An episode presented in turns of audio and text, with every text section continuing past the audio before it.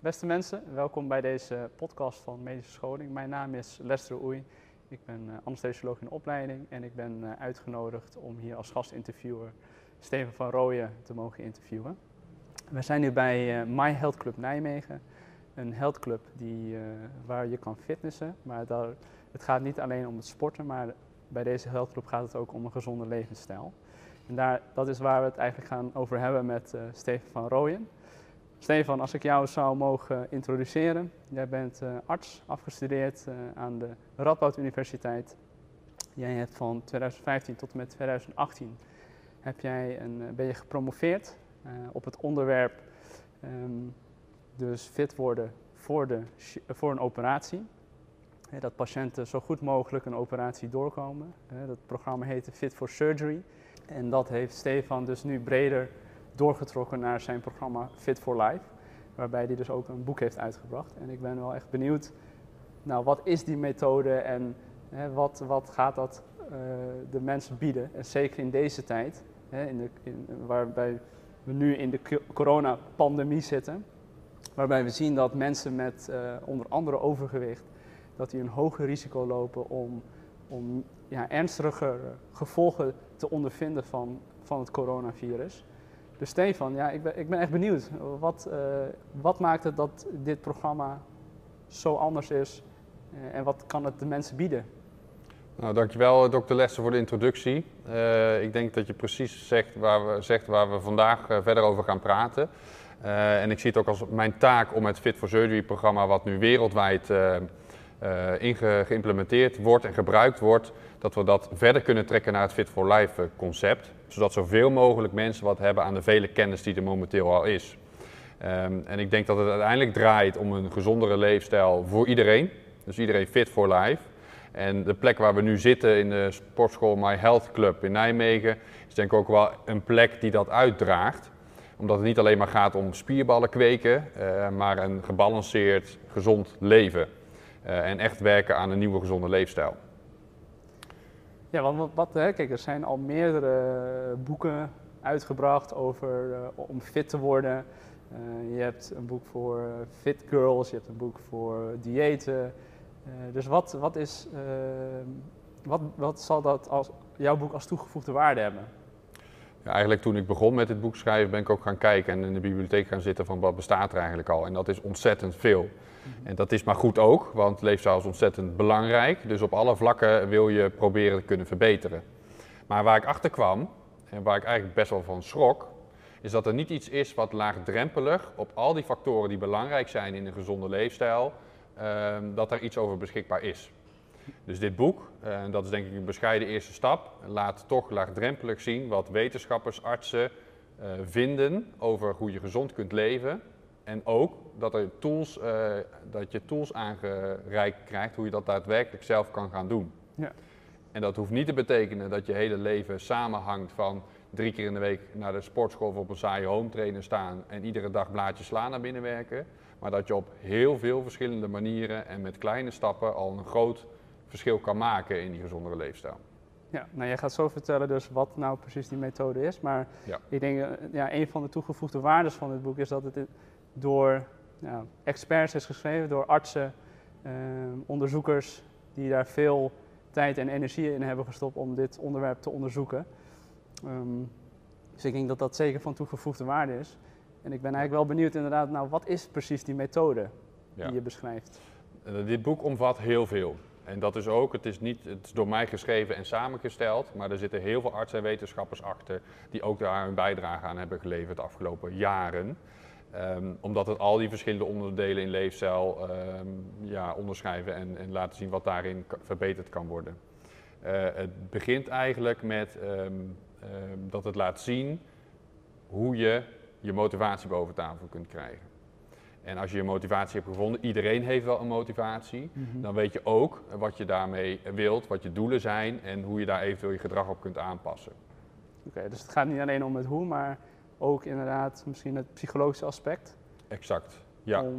En ja, hoe, hoe, bereik je dan die motivatie? Want dat is vaak een van de moeilijkste dingen om, mm -hmm. om het vol te houden. Hè? Om, hè, veel mensen die beginnen met een programma en haken dan weer af.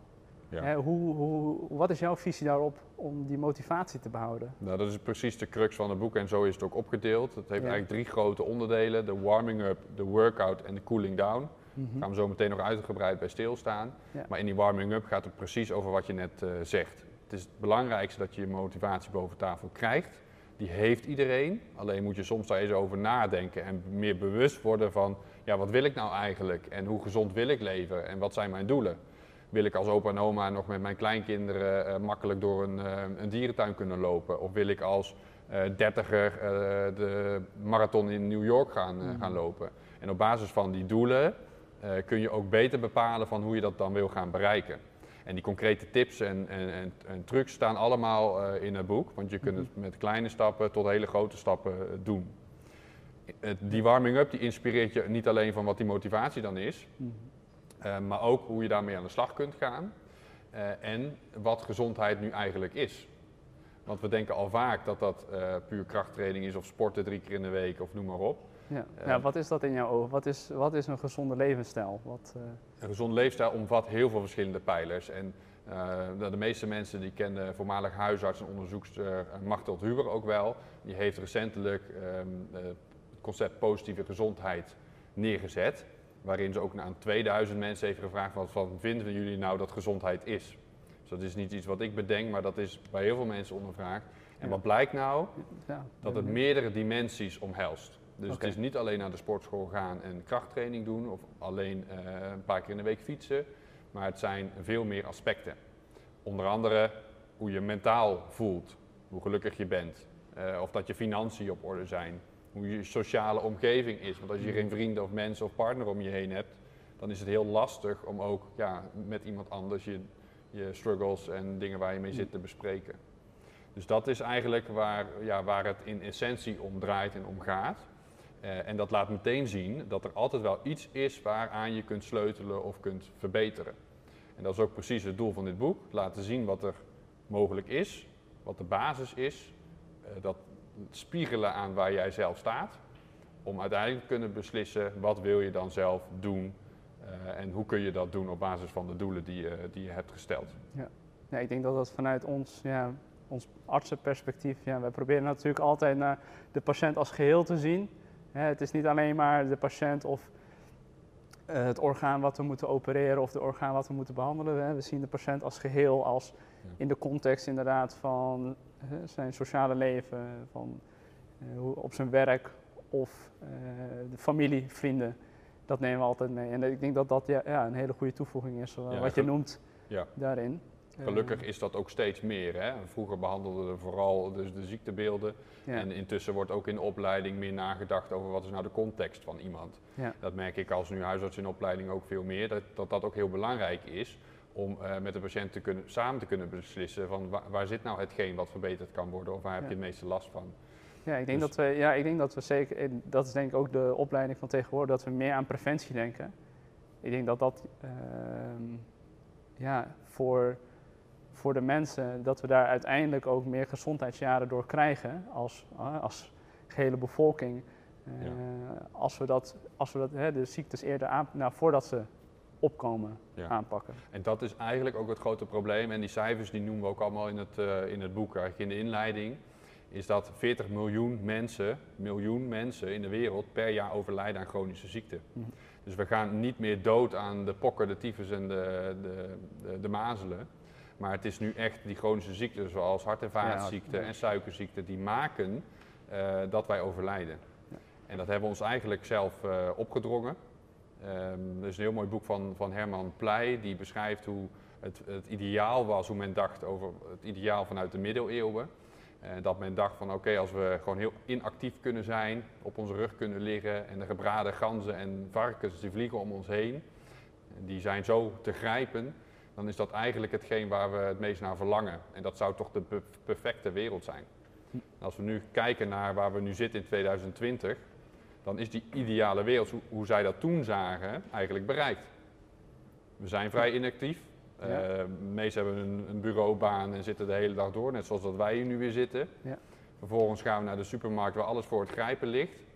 En thuis kunnen we weer op de bank hangen en alles naar binnen toe werken. Ja. Maar met als gevolg dat het helemaal niet zo ideaal is Maar dus heel veel chronische ziekten ontstaan die helemaal niet zo goed voor ons zijn. Ja, maar heb je het gevoel dat, eh, eh, ja, heb je een idee welke kant op we opgaan als, ja, als mensheid? Is, dat, is er echt meer inactiviteit of is er juist nu eh, meer aandacht voor een gezonde levensstijl?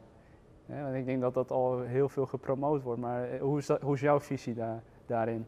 Dat wordt steeds meer gepromoot en dat is ook hartstikke goed. En dat is alleen maar verder aan te, te, te, supporten en te ondersteunen. Mhm. De overheid neemt daar ook hele goede beslissingen in. Maar het kan echt meer. Echt het is echt, het moment nu dat we de alarmbellen moeten gaan laten rinkelen. Want er zijn nog te veel mensen die roken. Een kwart van de Nederlanders rookt nog. Mhm. Eh, de helft van de Nederlanders heeft overgewicht. Mm 60% van de Nederlanders die houdt zich niet aan de richtlijnen voor wijs alcoholgebruik. Mm.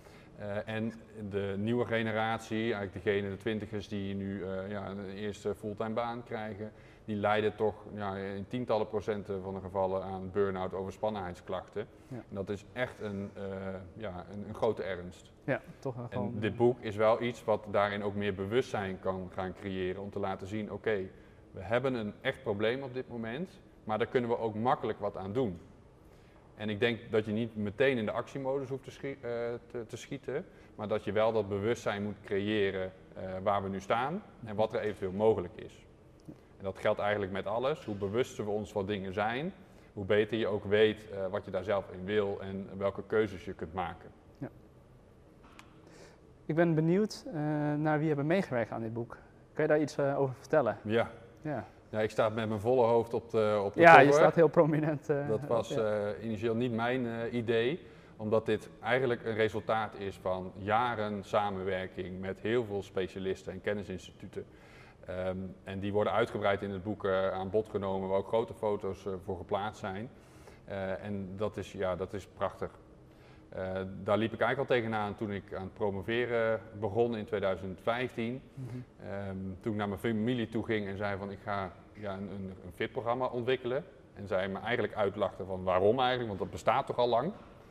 Um, en met dit boek zouden mensen dat ook kunnen denken, van dit bestaat toch al lang. Ja. Maar dat ja, tegendeel blijkt dus waar te zijn. Uh, en waarom? Omdat daar zoveel mensen een bijdrage aan hebben moeten leveren. Dat Fit for Surgery programma, er zijn tien verschillende disciplines die daar uh, hun kennis aan hebben moeten geven en hebben moeten samenwerken om dat tot een succes te maken. En dit boek is dat zelfs nog meer, want het is een samenloop van specialisten uit de eerste lijn, uit de tweede lijn, zelfs uit de nulde lijn, om uiteindelijk te laten zien van wat is er allemaal goed en mogelijk. Ja, en wat zijn die verschillende lijnen precies? Ja. dus kan je voorbeelden noemen van uh, welke Ga ik doen. Mensen, de de ja. nulde lijn is eigenlijk gewoon in je thuisomgeving. Dus een sportschool waar, waar we nu zitten. Ja. Uh, of de gemeente die een belangrijke rol daarin kan spelen. Uh, in verschillende manieren van zorg. of je kan wijzen op, op wat er maatschappelijk mogelijk is. Ehm, eerste lijn, dat is vooral de, de huisarts waar je aan kan denken. Paramedici zoals fysiotherapeuten, diëtisten. Uh, die komen ook allemaal aan bod en die zijn allemaal uh, hebben, zijn inhoudelijk expert geweest op basis van uh, ja, de inhoud van, van de verschillende workout hoofdstukken. Um, de tweede lijn, daar is waar ik vandaan ben gekomen. Dus dan moet ja. je denken aan de ziekenhuizen, ja. medisch specialisten, wetenschappers, professoren. En zo hebben professor Erik Scherder en professor Jaap Sedel van voeding en gezondheid uh, hebben hier ook een, bijdrage aan geleverd. En staan daar uitgebreid in interviews in hoe zij tegen dit aspect aankijken. En dat is ook een beetje uh, ja, de route die ik bewandeld heb en uiteindelijk ervoor heeft kunnen zorgen dat dit boek er is gekomen, is dat het de werelden met elkaar verbindt. En ik denk dat dat het allerbelangrijkste is om niet alleen maar één aspect te benadrukken, maar te laten zien wat er ja, in, in zijn totaliteit mogelijk is. Voedingscentrum heeft een grote bijdrage geleverd aan uh, de recepten in het boek, maar ook de schijf van vijf. Uh, je hebt het kennisinstituut Bier in Nederland, die alles over alcohol weet okay, en doet. Ja. Nou, ik wist daar voorheen ook niet zoveel vanaf, maar ze hebben heel interessant uh, informatiemateriaal die je ook als zorgverlener kan gebruiken in je, in je praktijkvoering. Mm -hmm. um, en ze, hebben, ja, ze laten daar bijvoorbeeld een voorbeeld in zien hoeveel nou één alcoholische consumptie is. Nou, hoeveel denk je wat er in een glas wijn zit voor een aantal milliliters? Aan alcohol? Uh, aan een aantal milliliters, ja. Ik denk, uh, wat zal dat zijn? Misschien 10 milliliter? Nou, als je, als je naar een glas, ja. een glas kijkt waar je ja. wijn in doet, mm -hmm. hoeveel milliliter wijn schenk je daar gemiddeld in? Oh, um, Ja, voor 1, 200 milliliter. Ja, nou dat is waarschijnlijk 150, 200 milliliter wat de meeste mensen ook doen. En laten we ook Ja. zien in het boek. Maar één alcoholconsumptie, hoe wij Ja. daar in de wetenschap naar kijken en ook hoe wij, waar wij onze richtlijn op baseren, namelijk je mag maar maximaal één glas alcohol per dag, dan wil je geen nadelige gevolgen krijgen en daar ook nog eens een paar dagen proberen in te onthouden per week. Eh, daarin staat dat één zo'n consumptie maar 100 milliliter is. Dat is Dus die wel- bellen wijn of eh flesjes speciaal bier die wij drinken, zijn per definitie al meerdere eenheden alcohol, hoe wij daar in de wetenschap naar kijken. Eh, oftewel, we consumeren waarschijnlijk al meer, eh, dan dat eh, ja, we denken dat we doen. Dus dat soort inzichten komen hier, hier dan ook ja, Ja, naar daar ben je dus achter gekomen. Ja. Nou, ik wil toch even teruggaan naar je boek. Hè. Je, hebt dat, je hebt al gezegd dat je drie verschillende onderdelen hebt. De warming up, de workout en de cooling down. Nou, de warming up heb je al even kort beschreven. Hoe zit dat voor de workout? Wat, wat, wat vertel je daar in je methode nog meer over? Ja, de workout gaat echt op het concrete in. Ja. Eh, je moet eigenlijk zien dat, dat het boek mijzelf ook gezonder heeft gemaakt. Dus dat ik Mhm. voor- bij mezelf ben nagegaan en ook mijn familie om me heen van, Ja, wat je- heb ik nou nodig om te doen? Kan je daar een concreet voorbeeld van noemen? Wat, eh, wat je hebt Ja. gedaan om, eh, om gezonder te... Te leven? Nou, eigenlijk kun je je leven veel gezonder maken door Mhm. hele kleine stapjes te zetten. Mhm. Onder andere door bijvoorbeeld weekboodschappen te plannen. Wat ik voorheen nog wel eens deed, als ik na, na het werk, als ik heel hongerig was, ging ik boodschappen doen voor Ja. één, twee dagen. En wat je dan meeneemt zijn alle lekkere dingen en, eh, die eigenlijk ultra bewerkt en dus per definitie ongezond zijn. Denk aan alle verpakte dingen in de supermarkt. 70 tot Mhm. 80 procent wat in de supermarkt voorhanden is, dat is ongezond omdat het ultra bewerkt is. Daar wil je vanaf blijven. Maar als je met een hongerklop in die supermarkt staat, dan vergeet je dat een beetje. En zo werkt ons brein nou eenmaal, dat je dan toch snel voor dat ongezonde kiest. En dat stuk extra chocola eh, mee naar huis toe neemt. Nou, doordat wij thuis nu weekboodschappen zijn gaan doen, hebben we gewoon een lijstje gemaakt. Gaan we op een moment naar de supermarkt dat we niet hongerig zijn en nemen we gewoon mee wat we denken nodig te hebben. Dus de snoepvoorraad in de kast is een stuk eh, omlaag gebracht. Pak je dat niet meer. En is eigenlijk een ja, kleine verandering geweest, maar met toch wel eh, ja, groot resultaat. Een mooi voorbeeld wat je noemt. Eh, nou, het voorbeeld is, hè, wat je noemt is inderdaad kleine stappen nemen. En ik ben toch benieuwd naar, wat is nou je visie op van, eh, moet je nou eerst kleine stappen nemen of sommige mensen die gaan er, die gaan er vol voor. Hè? Die, willen, die hebben soms een punt bereikt van, ik, dit kan niet meer, eh, ik leef te ongezond, ik ga me 180 graden omdraaien. Hoe denk jij daarover? Wat, ja. En doe je dan ook op de diëten en Dieet, de, sporten, de killerbodies die er zijn, eh, Ja. methodes. Ja. ja, dat je dan... eh, Ja. Eh, voor Ja. kleine groepen kan dat werken, maar wil je het langdurig volhouden, en dat, dat is waar dit boek over gaat, om het Mhm. echt een gezonde leefstijl te maken, je nieuwe gewoonte, Mhm. dan heb je andere dingen nodig. Dus dan kan je best wel, en dat, dat noemen we ook het Fit for Surgery programma, waarin je vier weken, eh, in vier weken echt best wel fit kunt worden. Die noemen we heel concreet daarin. Dat kan best een eerste stap zijn om even goed er tegenaan te gaan. Maar daarna is het zaak dat je het volhoudt. Ja. En we weten uit studies dat je gemiddeld drie maanden tot een jaar je nieuwe gedrag moet volhouden. Om daar ook echt een gezonde gewoonte van te Ja. blijven te maken. Hè, die, Fit for Surgery, dat Fit for Surgery programma, dat was eh, met name misschien met, voor de patiënten op leeftijd, hè, die grote chirurgie, misschien ook kankerchirurgie moesten, eh, kankeroperatie moesten ondergaan. Hoe is dat voor Fit for Life? Heb je daar eh, nog een verschil gemaakt in verschillen, voor de verschillende mensen in verschillende levensfases? Of is dat iets toch meer een algemeen advies, algemene visie op een gezonde levensstijl? Dat is een goede vraag, want dat, dat is eigenlijk ook wat eh, door het boek heen eh, terugkomt. En we waren nog even bij de inhoud van die workout hoofdstukken. Eh, en daar beschrijven we op basis van die specifieke onderwerpen van leefstijls, beweging, voeding, mentaal welzijn en intoxicaties, wat er voor welke groep mensen het meest gezond is. Hmm. Dus zo kun je je voorstellen dat eh, nou, als we gewoon gezond eten eh, en drinken, dan krijgen we de meeste vitamines wel eh, binnen. Mhm. Ook als we voldoende zon-exposure, eh, blootstelling hebben ja, door het jaar heen. Maar er zijn uitzonderingen. Bijvoorbeeld als je 70 jaar of ouder bent of aan het Fit for Surgery programma meedoet, dan worden er extra vitamines bijvoorbeeld geadviseerd. Nou, zo zijn er ook voor de beweegrichtlijnen, onder andere van het kenniscentrum Sport en Bewegen, ehm, zijn die richtlijnen uitgebracht, ook specifiek voor verschillende doelgroepen. Ehm, dus je hebt nou ja, ouderen die ook extra balansoefeningen wordt geadviseerd. Mhm. Eh, kinderen die drie keer in de week uh, sport, spierversterkende activiteiten moeten doen. Nou, die nuances laten we zeker zien. Uh, en daarnaast vertellen we wat in het algemeen gewoon een gezonde leefstijl is en hoe je dat stapje voor stapje uh, kunt verbeteren. Voor de workout, heb jij daar nog dingen die je wilt toevoegen hè, voor het middelste deel uh, van je programma, ja. van je methode?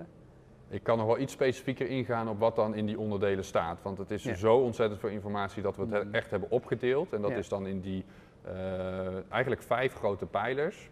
Ik heb bewegen al genoemd, voeding, Mhm. mentaal welzijn en intoxicaties. Ja. En het eindigt met de praktijk. Want je moet het natuurlijk ook gaan toepassen. En bij wie kun je dan terecht in die nulde, eerste of tweede lijn? En als je er zelf niet uitkomt, wie dat dan samen met je kan doen. Dus even gaan naar het stukje bewegen. Dan uh, vallen er eigenlijk drie grote pijlers onder. Dat is krachttraining, conditietraining en uh, balansoefeningen. Mhm. En voor ieder specifiek onderdeel wordt dan ook extra verteld wat je daarin kunt doen. Uh, volgens een bepaalde structuur. En het is heel erg leuk dat er ook patiënten en niet-patiënten, mensen zoals jij en ik, als ervaringsdeskundigen geïnterviewd zijn hoe zij hun leefstijl hebben verbeterd. Mhm. Uh, dus daar begint het eigenlijk mee, als een soort van inspiratieverhaal. Uh, vervolgens gaat het over in het uh, waarom zou je hierop moeten ver verbeteren. Dus voor beweging is dat uh, bijvoorbeeld om, als je inactief bent, meer kans op over, uh, overgewicht of dat je immuunsysteem minder goed werkt. Mm. Dus we leggen dan echt goed uit wat de consequenties zijn als je het niet doet en als je het wel doet. Dus beide kanten laten we zien. Mhm. Dan gaat het over in het hoe en daarna in het wat. En in het hoe beschrijven we meer van op ja, welke manier kun je dat dan doen. En uh, kun je dat zelf doen of kun je dat het liefst met ondersteuning met iemand anders doen. Uh, welke testen kun je daarvoor gebruiken om bijvoorbeeld een nulmeting te doen van ja, hoeveel beweeg ik eigenlijk, hoe fit ben ik, wat is mijn uh, krachtniveau. En in het wat dan is het echt heel specifiek op nou ja, de testen, hoe je dat specifiek uit gaat voeren. Uh, en laten we daar ook meerdere voorbeelden in zien. Gaan we daarna door op het concrete Fit for Surgery programma. Dus in elk van die hoofdstukken staat wat we in het Fit for Surgery programma precies doen. Uh, en daarna komt ja, een van de, de, grote experts in Nederland aan het woord. die vertelt over zijn eigen visie op het geheel. Um, ja, dus dat is eigenlijk een hele mooie, mooie toevoeging aan ieder van die subhoofdstukken. Bij beweging zijn dat twee sportartsen, Goof Schep en Tessa Bakhuis. Uh, bij het mentale welzijn Erik Scherder, zoals ik al noemde, ja. de professor van het brein, die altijd heel mooi kan uitleggen waar het precies in ons brein werkt. Dus die heeft echt de verklaringen van hoe dat dan mentaal en fysiek in combinatie met elkaar zit. Mm -hmm. voor het hoofdstuk voeding is dat professor Jaap Seidel.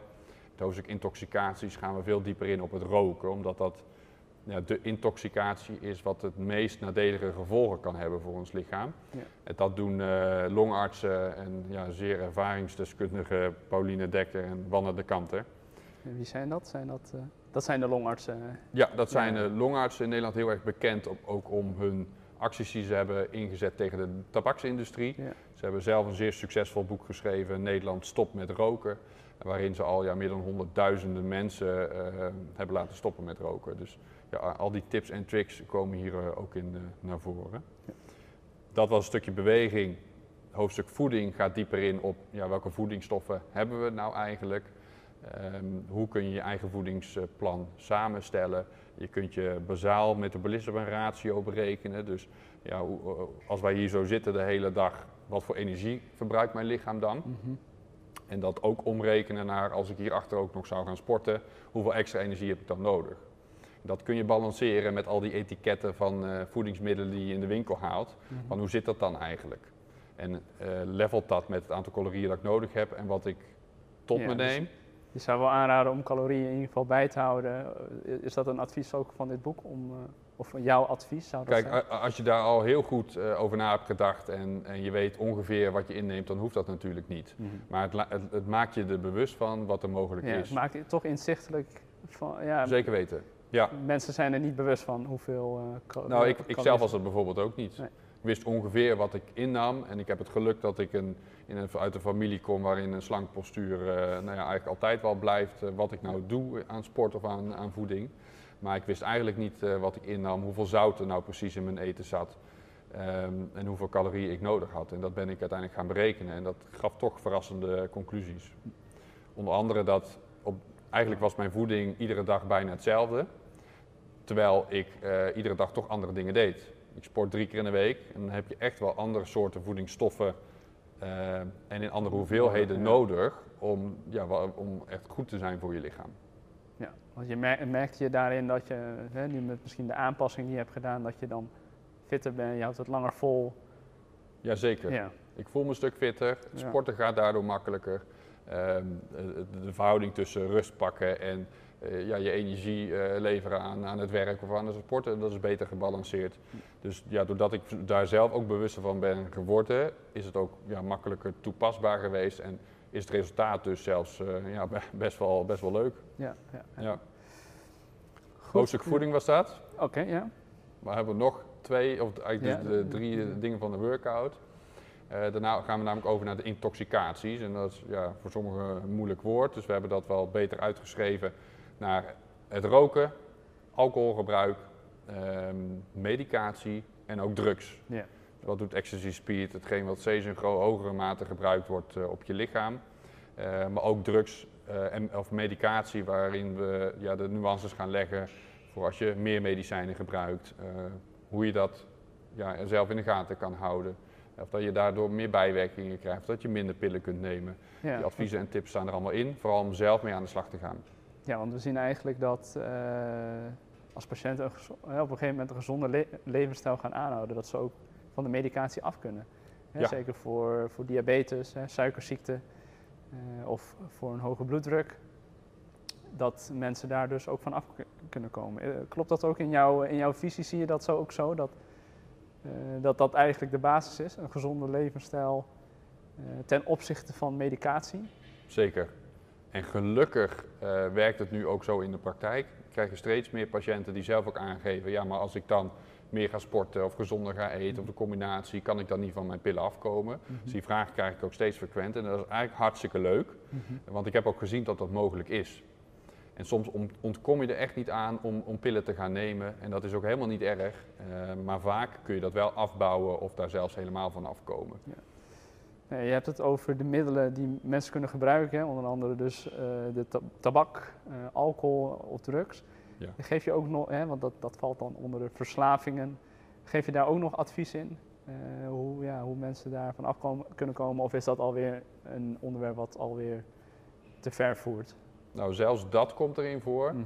Dus we beginnen weer met wa- waarom zou je erin kunnen verbeteren? Eh, hoe doe je dat dan en wat precies? Dus als het uiteindelijk uitmondt in een verslaving, of je komt er door het boek achter van ja, die wijnglazen van mij zijn inderdaad ook te groot, Mhm. ja, dan ben je daar weer bewust van en dan kun je het de andere keer misschien toch kiezen voor een kleine glas eh, of hem minder vaak vol te schenken. Eh, maar als het uiteindelijk uitmondt in een verslaving en dat je dus merkt van ik drink inderdaad meer dan één glas per dag in de week, eh, of ik doe zelfs aan binge drinking, wat eigenlijk best wel snel al is, want dat zijn maar vijf consumpties op één dag. Mhm. Ehm, ja, dan moet je toch aan de achter de oren krabben. En we stellen daarvoor wat kritische vragen in het boek. En als je daarop ja antwoordt, dan kun je ook lezen van nou, als het toch richting een verslaving gaat of ik gebruik te veel, hoe je daar dan in kunt minderen eh, en waar je eventueel verdere hulp kan zoeken. En bij het roken is het ook zo, hè, er zijn meerdere opties om te kunnen stoppen met roken. Je hebt cold turkey gaan, eh, je hebt cognitieve gedragstherapie, dat je echt nagaat van ja, waarom begin ik dan iedere keer Mhm. weer met roken terwijl ik gestopt was. Er zijn verschillende mogelijkheden in. En die variëteit laten we dan eh, ook zien. Eh, want ja, dat, en, en, en dat is denk ik ook het doel, dat je laat zien wat er mogelijk is, zodat je het kan laten aansluiten op je eigen situatie. Ja, want dat is dus- voor iedereen echt, eh, echt anders. Echt anders, ja. Dat waren, missen we nog een pilaar? Nog eentje, ja. Nog eentje. mentale stuk, wat eigenlijk toen ik begon met mijn promotieonderzoek echt een ondergeschoven kindje was en eigenlijk nog steeds. Dat is namelijk hoe we ons voelen, eh, wat ons welzijn is, kwaliteit van leven. En in verhouding is daar eh, echt ook minder onderzoek naar gedaan dan die andere grote pijlers. Maar dat wil niet zeggen dat het minder belangrijk is. Misschien is het wel de belangrijkste. Ja, dat denk ik ook. Want het is uiteindelijk het doel om ja, je bewust te worden, je daarmee je gedrag te veranderen eh, in een nieuwe gezonde gewoonte. En daarbij is echt het mentale welzijn van belang. Eh, en niet alleen van hoe goed je je voelt, maar ook hoe je omgeving is, eh, hoe die, die je daarin ondersteunt. Of je een partner hebt, eh, als je ziek wordt en behandeld gaat worden, dat je misschien wel een buddy hebt waarmee je samen kunt optrekken. Ehm, en in dat hoofdstuk laten we dus ook zien van wat mentaal, mentale gezondheid is. Een stukje geschiedenis komt daar weer in voor, waarin we praten over nou, wanneer er voor het eerst over gesproken werd. Want vroeger dachten we alleen aan psychiatrische ziekte of iemand was voor gek verklaard als je over mentale mm veranderingen praten. Uh, tot aan nu, waarin we hele pijlers hebben over kwaliteit van leven en dat we er op een hele andere manier tegenaan kijken. Ja, want hoe, uh, ja, uiteindelijk denk ik dat dat elkaar beïnvloedt, hè? De, de geest en het lichaam. Dat, uh, dat als je ja, inderdaad jezelf voedt met slechte voedingsstoffen, dat dat ook een weerslag heeft op je mentale gesteldheid. Exact. En, en, we weten ook uit ervaring dat een hoop ziektebeelden uiteindelijk uh, niet zozeer een lichamelijke grondslag hoeven hebben, maar wat je wel kunt voelen. Bijvoorbeeld gerommel of krampen aan je darmen, zonder dat daar een ernstige oorzaak voor is. Mhm. Maar wat wel in stand wordt gehouden door de manier waarop je erover denkt. Ja. Dus er is een hele sterke relatie tussen uh, nou, je, je, hersenen en, uh, en, je lichamelijke functies. Ja. En die kun je doorbreken en we laten ook zien hoe je dat kunt doen. Hoe je een goede balans kunt vinden tussen actief zijn en je rustmomenten nemen. Um, ja, en eigenlijk om, om aan je eigen kwaliteit van leven te werken. En professor Erik Scherder legt dat weer op een hele leuke manier mhm. uit. Dus niet live, maar wel uh, in zijn enthousiasme hoe dat dan in je brein uh, werkt. Onder andere dat in de binnenkant van je brein echt je emotionele systeem uh, zit. Um, dat is ook wel een hele leuke dit, want dit laat meteen zien van hoe je dan die gedragsverandering in een gewoonte omzet. En maakt het ook begrijpelijk, omdat dat emotionele systeem een verbinding heeft met je, je schors. Dus eigenlijk de buitenkant van je hersenen. Dus eigenlijk uh, je reptiele brein met het menselijk brein. Kan ik het zo... Uh, zo zou je het kunnen, inderdaad kunnen noemen. En nou ja, we, we, krijgen vrij snel geluk als we weer een zak friet leeg eten of uh, op de bank hangend een film kijken en, en, en, een zak chips naar binnen werken. Mhm. dat, dat geeft meteen door je emotionele brein een soort van beloning naar je, naar je hersenschors toe. Dat is een heel heel makkelijke manier om, om daar ja, een gelukszalig moment uh, gevoel van te krijgen. Ja. Maar dat kan ook als je gaat sporten bijvoorbeeld. Hmm. Dan kun je ook dat emotionele brein dusdanig trainen. En als je dat maar vaak genoeg doet, dan slaat dat zich uiteindelijk op in je, ja, in je schors, in je menselijke eh, brein. Waardoor dat op termijn dus ook dat gelukzalige gevoel uh, aan je geeft. Ja. En dat laat meteen zien dat je, als je je gedrag verandert, uh, dat ook vol moet houden.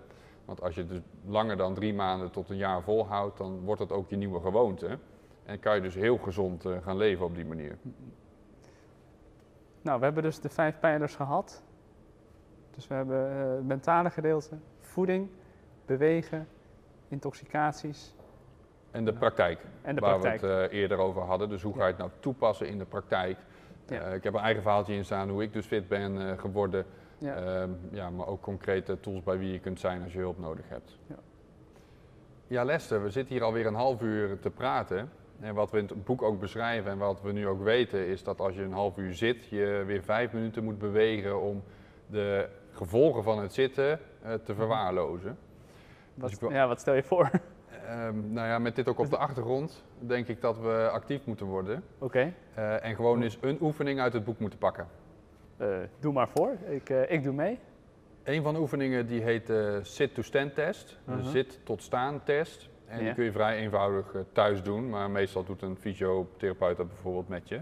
Okay. wat je eigenlijk moet doen is een stoel pakken van normale hoogte. Um, wat anders wel moeilijk is om omhoog te komen. Maar goed, wij zijn jong en vitaal, hè, dus we gaan het gewoon proberen zo. Iets vooruit gaan zitten. Rug van de leuning uh, af, de armen ook. Die moet je gekruist uh, voor je houden. Je rug mag niet meer tegen de leuning uh, aankomen. En wat okay. we nu gaan doen, is zo snel mogelijk vijf keer gaan staan en weer en gaan zitten. zitten. Ja. Okay. Ik ga tussendoor ook tellen hoe lang we daarmee bezig zijn. Want dat heeft namelijk gevolgen straks voor de uitkomst. Ja. En dan gaan we even zien van ja, hoe, hoe onze kracht is. Want het is eigenlijk een, een test voor je kracht. Uh, om te zien uh, hoe je spiergroepen zijn. Je test meteen verschillende mm. spiergroepen daarmee. Okay. Ben je er klaar voor? Ik ben er klaar voor. Dan tel ik af van uh, eh, 3 naar 0 en dan gaan we vijf keer zo snel mogelijk staan en weer zitten. is goed. 3, 2, 1, 0.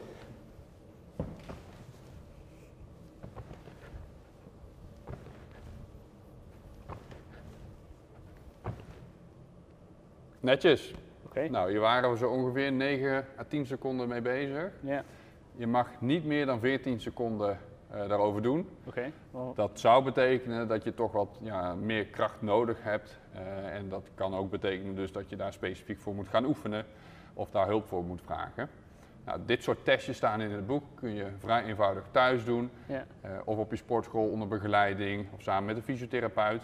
En dan een beetje een inschatting maken van hoe is mijn kracht, hoe is mijn conditie, hoe is mijn balans. En daar ook aan gaan werken. En het leuke is dat je dat natuurlijk ook na een paar weken kunt herhalen om te zien of dat je vooruit bent gegaan. oké. Nou, dat is een, goede, een goed idee. Stefan, zijn er op dit moment nog dingen die je graag zou willen bespreken vanuit jouw programma Fit for Life? Eh, wat ik nog heel leuk vind om te vertellen is het laatste deel van het boek, Mhm. de cooling down. Ja, En eigenlijk draait het daar allemaal om. Want wat we hebben gemaakt is een Fit for Life paspoort. ja, Dat is een kaart, boekbreed, waarin staat wie jij bent. Je schrijft je naam op, eh, wat je gewicht, je lengte is, je BMI. Mhm. Al die dingen die daar als tools in staan in die workout hoofdstukken, die staan daar in het kort vernoemd, waarin je ook dus je resultaten van de testen kunt schrijven. En, en uiteindelijk ook je doel bepaalt en hoe je dat gaat vieren. En het is eigenlijk een kaart eh, die je hele leven bij je kunt dragen, die iedere keer weer kunt veranderen omdat je nieuwe inzichten hebt of in een andere situatie zit. Ehm, en ook misschien ja, kunt, kunt vergelijken met een ander, dat je met elkaar optrekt of eh, ehm, ja, het doel stelt om fit 100 te worden en uiteindelijk dat ook met die kaart voor elkaar krijgt. Dus hij om een buddy te vinden die, eh, waar je het mee samen kan doen. Ja. Als, je, als je het leuk vindt om dat samen te doen, dan moet je vooral een buddy zoeken of, of groepslessen of wat dan ook. Mhm. Maar ook daarin moet je zelf weer de afweging maken van wat past bij jou en wat Ja. vind je leuk om te doen. Stefan, waar kunnen mensen dit boek vinden? Dit boek is al eh, te pre-orderen. Mhm. Eh, dat betekent dat het boek eh, momenteel gedrukt wordt en geleverd wordt als die druk klaar is. En dat zal naar verwachting eh, eind oktober zijn. Het boek kan je dus op bol.com bestellen. Fit for Life. Eh, typ je gewoon in, het doktersrecept. Ehm, en dan komt hij zo snel mogelijk naar je toe, dus binnen een paar weken. En dan heb jij eh 400 pagina's boordevol gezondheid in handen en kan je zelf bepalen wat je daarmee mee gaat doen. Stefan, zijn er nog dingen die, eh, die ik nog niet heb gevraagd, maar die je nog wel graag eh, beantwoord zou willen hebben? Ik heb nog een paar leuke dingen die komen gaan. Onder andere op de cover staat een, eh, een hippe dokterstas van Mutsaars. Die mogen we ook gaan weggeven. En hoe, ja, hoe kunnen mensen ja, daar eh, een, kans, eh, ja, een kans maken op die, op die tas? Houd daarvoor onze socials in de gaten. Mhm. Want rondom de publicatiedatum van het boek gaan we ook een bericht posten waarin je nou ja, een opdracht krijgt om te doen. Met het boek samen. Ehm, en dan kun je uiteindelijk kans maken om die tas eh, te winnen. Het is dokterstas van Mutsaars, mooie zwarte variant. Ik gebruik hem zelf ook en eh, handig voor in de praktijk. En als je geen dokter bent, ook dan is het een mooie tas, want ja, je kunt hem voor ieder eh, doel inzetten en gebruiken. Dat is niet de enige actie die we gaan doen. We gaan nog veel meer fitte acties doen waar je dingen kan winnen of elkaar kan stimuleren om fitter te worden. En daarvoor kun je ook onze website in de gaten houden www.fitforlife.club. Oké. Nou, ik zou zeggen, koop het boek en dan eh, kan je zien wat, eh, wat het voor winst jouw leven kan geven. Dankjewel, Stefan. Geen dank. Ik hoop dat iedereen fit for life gaat worden.